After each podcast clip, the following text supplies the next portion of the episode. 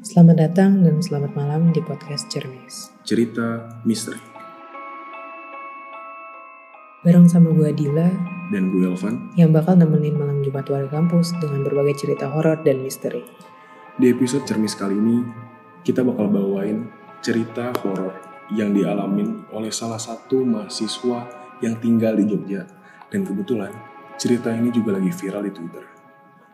Dia kayak bikin tweet gitu ya di Twitter. Dia cerita kayak dia ngalamin berbagai kejadian horor dan dialami selama 4 tahun gitu. Langsung aja kali kita ceritain ya. Si inisial R ini berniatan untuk ngekos selama dia masih kuliah gitu. Tapi pas dia pengen ngekos sama teman-temannya, ternyata kosannya itu penuh. Akhirnya dia nyari kosan yang nggak jauh-jauh banget dari teman-temannya. Nah, pas di situ di kosan itu tuh baru deh banyak kejadian-kejadian gitu. Jadi sebetulnya kos yang dia tinggalin sekarang itu kosnya nggak sengaja dipilih berarti. Iya, nggak sengaja banget dipilih karena kebetulan penuh kosannya. Jadi dia milih yang lebih dekat sama teman-temannya juga. Dan sewaktu dia tinggal di situ, singkat cerita, awalnya dia tinggal bareng orang tuanya karena ibunya itu masih nemenin ceritanya dia. Mm-mm. Sampai akhirnya dia bilang ketika udah mulai uas, nyokapnya pulang dan dia bilang di situ mulai banyak kejadian-kejadian janggal. Berarti lu masih di tahun-tahun pertama kali ya? Tahun pertama. Dan dia bilang kalau misalnya kondisi kamar dia ini ada di lantai dua dan kosannya ini berbentuk letter L dengan koridor yang ngintarin seluruh bagian kos.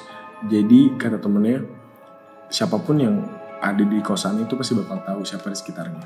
Oh jadi eh, kita dari sini juga bisa ngeliat yang ke arah sana, yang Iya. dari sana juga bisa ngeliat ke arah kita gitu. Ada Iya. Dan selain itu uh, dia bilang pertama kali gangguannya itu adalah digedor-gedor temboknya. Jadi pada satu hari sewaktu ibunya masih menemani di kos, saat itu gangguannya masih biasa aja dan belum ada gangguan yang terlalu signifikan. Sampai akhirnya ada malam pertama di mana dia tinggal sendiri dan dia pertama kali dilihat kejanggalan dari kamar temannya yang gelap gulita. Keluar wujud seorang kakek-kakek yang tidak menggunakan pakaian sama sekali. Bahkan bisa dibilang bentukannya itu kayak kartun anime gitu nih, Waduh. telanjang tinggi itu. Oh jadi kayak kayak anime gitu Iya. bentukannya. Dan malam tersebut hanya maju sedikit demi sedikit dari kegelapan. Jadi lo tau gak sih kayak misal eh, lo lagi di depan ruangan ya, Mm-mm. itu gelap kan. Iya. Dan dari dari gelap itu tiba-tiba nongol orang telanjang. Jalan. Jalannya nongol pelan gitu lagi Pelan. ya, parah men. Terus mundur lagi. Itu kalau kalau gue ngerasain kayak gitu ya, Hmm. kayaknya gue bakal diem sih, diem kayak apa nih kayak tiba-tiba ada wujud kan keluar dari kegelapan. Hmm. Pasti kayak panik dulu tapi tetap gue kepo gitu kalau lu gimana? kalau gue pribadi sih gue bakal sedikit nyari tahu dikit sih karena kebetulan emang gue tipikal yang kepoan ya tapi nggak berani berani banget pasti gue kalau misalnya itu ada gue lihat dikit tapi kalau misalnya itu terlalu serem kayak gue mundur gitu. Terus gimana tuh kelanjutan si kakek-kakeknya? nah setelah itu dari kejadian itu dia mulai ngerasain ada yang salah sewaktu dia milih tempat kos dia bilang ada gangguan suara gedebak-gedebuk dan sering banget hilang-hilang barang di dalam kamarnya. Gangguan tersebut dialami selama kurun waktu satu tahun atau selama dua semester kuliah. Hingga pada akhir tahun 2018, dia Hmm. mulai ngerasa dapetin gangguan yang itu klimaks banget. Pas berarti di akhir-akhir tahun dia pengen cabut dari kosan kali ya? Iya. Sampai suatu ketika, sekiranya pada jam 12 malam, dia udah tertidur sebelumnya. Hmm. Jadi katanya dia tuh udah baru dari pergi, terus dia pulang uh, pulang ke rumah tengah malam jam 2 terus tidur. Dan tiba-tiba ada yang megang esel pintu kamarnya, terus ngegongin kayak cepet kayak. Kayak bunyinya jadi berisik gitu ya? Iya. Duk duk duk duk duk duk. Sebetulnya kalau misalnya kayak gitu kayak gangguan yang sering terjadi tapi itu konyol gak sih? Itu kayak lebih ke gabut gak sih? Maksudnya buat apa gitu? Kan dia bisa nembus. Oh iya sih. Kalaupun dia mau masuk ya. Karena gue juga pribadi pernah diganggu kayak gitu. Di apa sampai tiga kali tiga kali bukan tiga tiga kali kejadian gitu. Jadi sekali yang cuk cuk cuk cuk berhenti.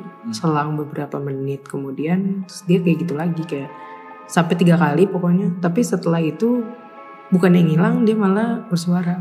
Suara. bersuara. Dia kayak manggil nama nyokap gue. Itu posisi gue masih kecil sih kan. Tapi emang emang kalau misalnya pengalaman kayak gitu bakal serem sih parah asli Karena diganggu langsung gitu. kan. diganggu langsung Asli. Dan dia bilang setelah dia dengar itu Excel itu yang digunyi-gunyi, digoyang-goyangin gitu, Mhm. dia langsung buru-buru ngambil handphone dia. Lu liatin videonya. oh ya emang di tweetnya itu emang dia selalu ngasih video maksudnya nggak dengan omongan doang gitu jadi ada buktinya juga gue lihat kok video-videonya dia emang pas sedang di video yang dia videoin tuh itu kelihatan jelas banget gitu saya kan pas abis di videoin itu dia langsung ngebuka pintunya kan langsung ngebuka pintu dan ternyata emang nggak ada apa-apa nggak ada Sama orang sekali. sama sekali Dan ketika dan, dan dia bilang karena nggak ada satupun yang kebangun dan yang berada di koridor kelasnya, akhirnya dia balik tidur. Dan awalnya akhirnya dia bilang dia, dia bingung dan Hmm. besoknya dia berusaha buat cerita ke teman-temannya pas ketemu di kampus. Sayangnya nggak ada satupun teman-temannya yang percaya dari kejadian tersebut. Dan selang dua hari dia baru aja pulang dari jam 2 pagi dan baru masuk kamar dan baru naruh tos banget. Dan ternyata ada kejadian yang cukup cepet ya karena kejadian lagi tuh pintu kamarnya digoyangin lagi dan akhirnya dia mulai spontan buat, buat ngerekam lagi Hmm. dan kejadian itu dan mulai dari situ mulai banyak gangguan-gangguan yang dia alami dia Mm-mm. Seperti yang gue pernah ngeliat juga kan gue juga bacakan tweetnya. Itu banyak eh, bukan di kamarnya doang ternyata, tapi lebih ke satu kosnya. Itu berarti serem banget ya. Eh, dia videoin waktu itu lagi jalan terus di sepanjang koridor kosnya itu banyak rambut rambut yang ngegumpel gitu. Iya. Itu dan itu tuh bukan satu tempat doang tapi kayak berjalan gitu loh rambutnya kayak dari satu tempat ke tempat yang lain. gitu. ngiterin koridor gitu ya Iya ngiterin gitu. Dan juga eh, dia tuh suka ngasih tahu foto-foto kan kayak gimana dia ngeliat. Waktu itu dia juga ngeliat eh, pocong ya. Dia Iya. sempat ngeliat pocong. Dan kalau nggak salah, setahu gue dia pernah videoin di kamarnya tuh juga ada deh di kamar mandi kamarnya. Iya. Diceritain. Dan itu kan juga teman-temannya tuh kan nggak percaya ya awalnya kalau misalnya eh, seserem itu kosannya.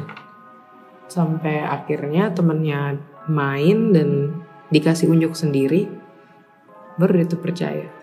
Tapi kalau kalau misalnya gue jadi si R ini ya, dalam kurun waktu 4 tahun gue di dalam tempat yang gue udah tahu nih di tempat ada eh, yang janggal. Eh, eh, ada yang janggal dari awal pun gue udah tahu gitu tapi gue masih bertahan di situ. Dia sempat pengen pindah kosan kan ya? Iya Tapi- tapi nggak jadi. Itu sih kayak empat tahun gue di tem- di satu tempat yang gue udah tahu ini buruknya apa tapi gue tetap di situ yang masih bertahan. Tapi sebetulnya kalau misalnya kosan itu sebetulnya nggak aneh juga sih ada cerita mistis karena biasanya kosan punya cerita tersendiri. Kan normalnya kalau misalnya kuliah kan bocah paling ya lo pagi eh, berangkat kuliah baliknya malam dan selama itu kosong kan? Jadi eh, paling kosan tuh dipakai buat tidur doang ya? Ya tidur buat doang. tidur doang. Hidup wajar kalau misalnya ada kejadian-kejadian janggal sih. dan juga kan namanya juga kosan ya itu juga tempatnya nggak nggak satu orang tuh di situ terus setiap tahun gitu. Kan pasti ada ganti orang setiap kamar ganti orang atau ganti apa gitu kan. Jadi ya kita nggak tahu tuh masa lalunya itu orang tuh pakai tempat itu gimana ya kan? Ya, bener bener kan? tapi gue punya satu cerita eh, tentang kos ini Hmm. dialami temen gue di UI jadi kalau misalnya di UI itu kan lo tau kan kalau misalnya UI itu kan bentuknya lingkar gitu. Mm-mm, kayak ngelilingin satu kota dan dikelilinginnya pohon-pohon. Bener. nama daerah itu susukan kalau nggak salah. Kalau misalnya UI itu ada gang kecil di tengah-tengah pepohonan. Itu buat nyampe kosannya itu lo harus jalan sepanjang 2 km Mm-mm. pinggir lo hutan buat nyampe kosan. Kanan kiri kita udah. Hutan. Hutan kota. Dan temen gue bilang kalau misalnya eh, di situ sering banget ada kejadian bunuh diri mahasiswa UI zaman dulu. Dan sering banget ada kasus pemerkosaan pembunuhan di situ itu emang emang khusus untuk eh, mahasiswa mahasiswi UI gitu? Iya kosan. Khusus di situ kosan di situ. Jadi itu memang kosan di pinggir di pinggir UI cuman cara lo nyampe ke situ lo harus ngelewatin jalan sepi Hmm. pinggir hutan itu. Dan teman-teman gue yang di UI itu bilang kalau misalnya kejadian horor itu nggak berhenti di cuman jalannya doang tapi di kos-kosannya juga. Ini real story temen SMA gue Hmm. Ajeng sebut aja.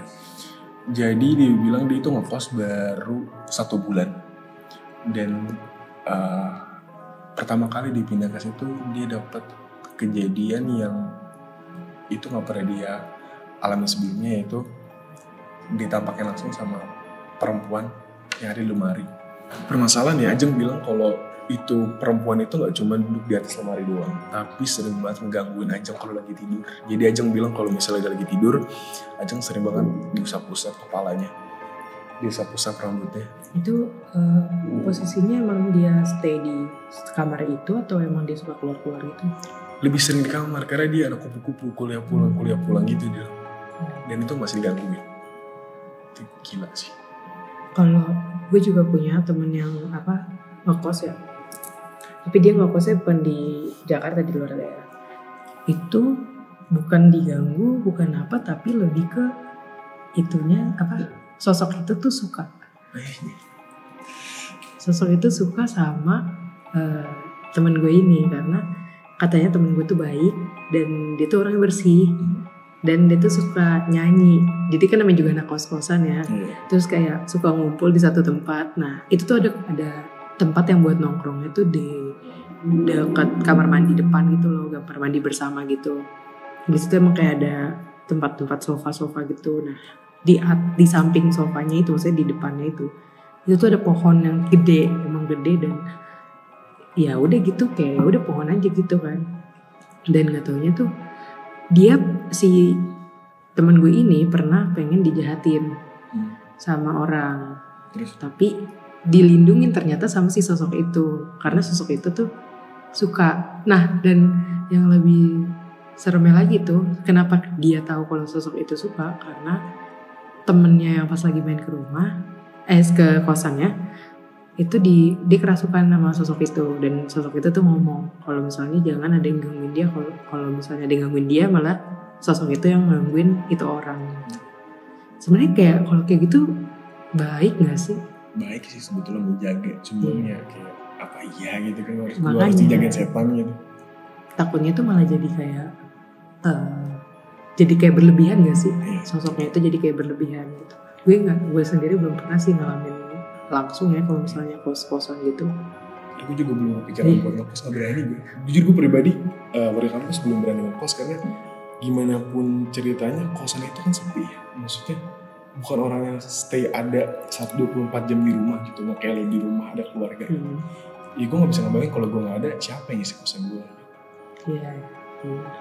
dan itu juga yang gue pikirin tuh kayak kalau gue ngekos pasti kan gue nempatin bekas orang ya. Dan gue nggak tahu nih eh, history itu orang tuh apa gitu. Entah itu orang ternyata beginilah itu orang begitulah. Jadi kayak gue nggak tahu gitu bekas tempatnya itu kan. Hmm. serem sih. Kalau misalnya ngomongin tentang kosan tuh nggak ada habisnya ya pak. Tapi intinya warga kampus di mana pun lo tinggal di mana pun lo berada emang mereka selalu ada dan berdampingan sama lo sih.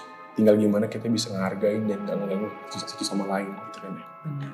Karena sebetulnya kalau misalnya lo mau tahu jadi orang indie pun kayak mereka ada di mana-mana. Ya gitu. Cuman tinggal kita gimana kita bisa jaga sikap dan jaga mulut supaya nggak asal. Karena khawatirnya mereka nggak suka dan mereka berbalik menyerang kita. Kan karena kayak sama aja gak sih? Maksudnya walaupun dia sosok tapi dia punya perasaan juga gitu kan. Hmm. ya kayak contohnya mudah tersinggung kan banyak yang mudah tersinggung Iya. sosok-sosok kayak gitu. Dari kampus, itu dia podcast episode pertama Cermis. Dan minggu depan kita bakal hadir lagi membawakan berbagai cerita misteri lainnya. dua Dila Dan gue Elvan, sampai jumpa di malam Jumat.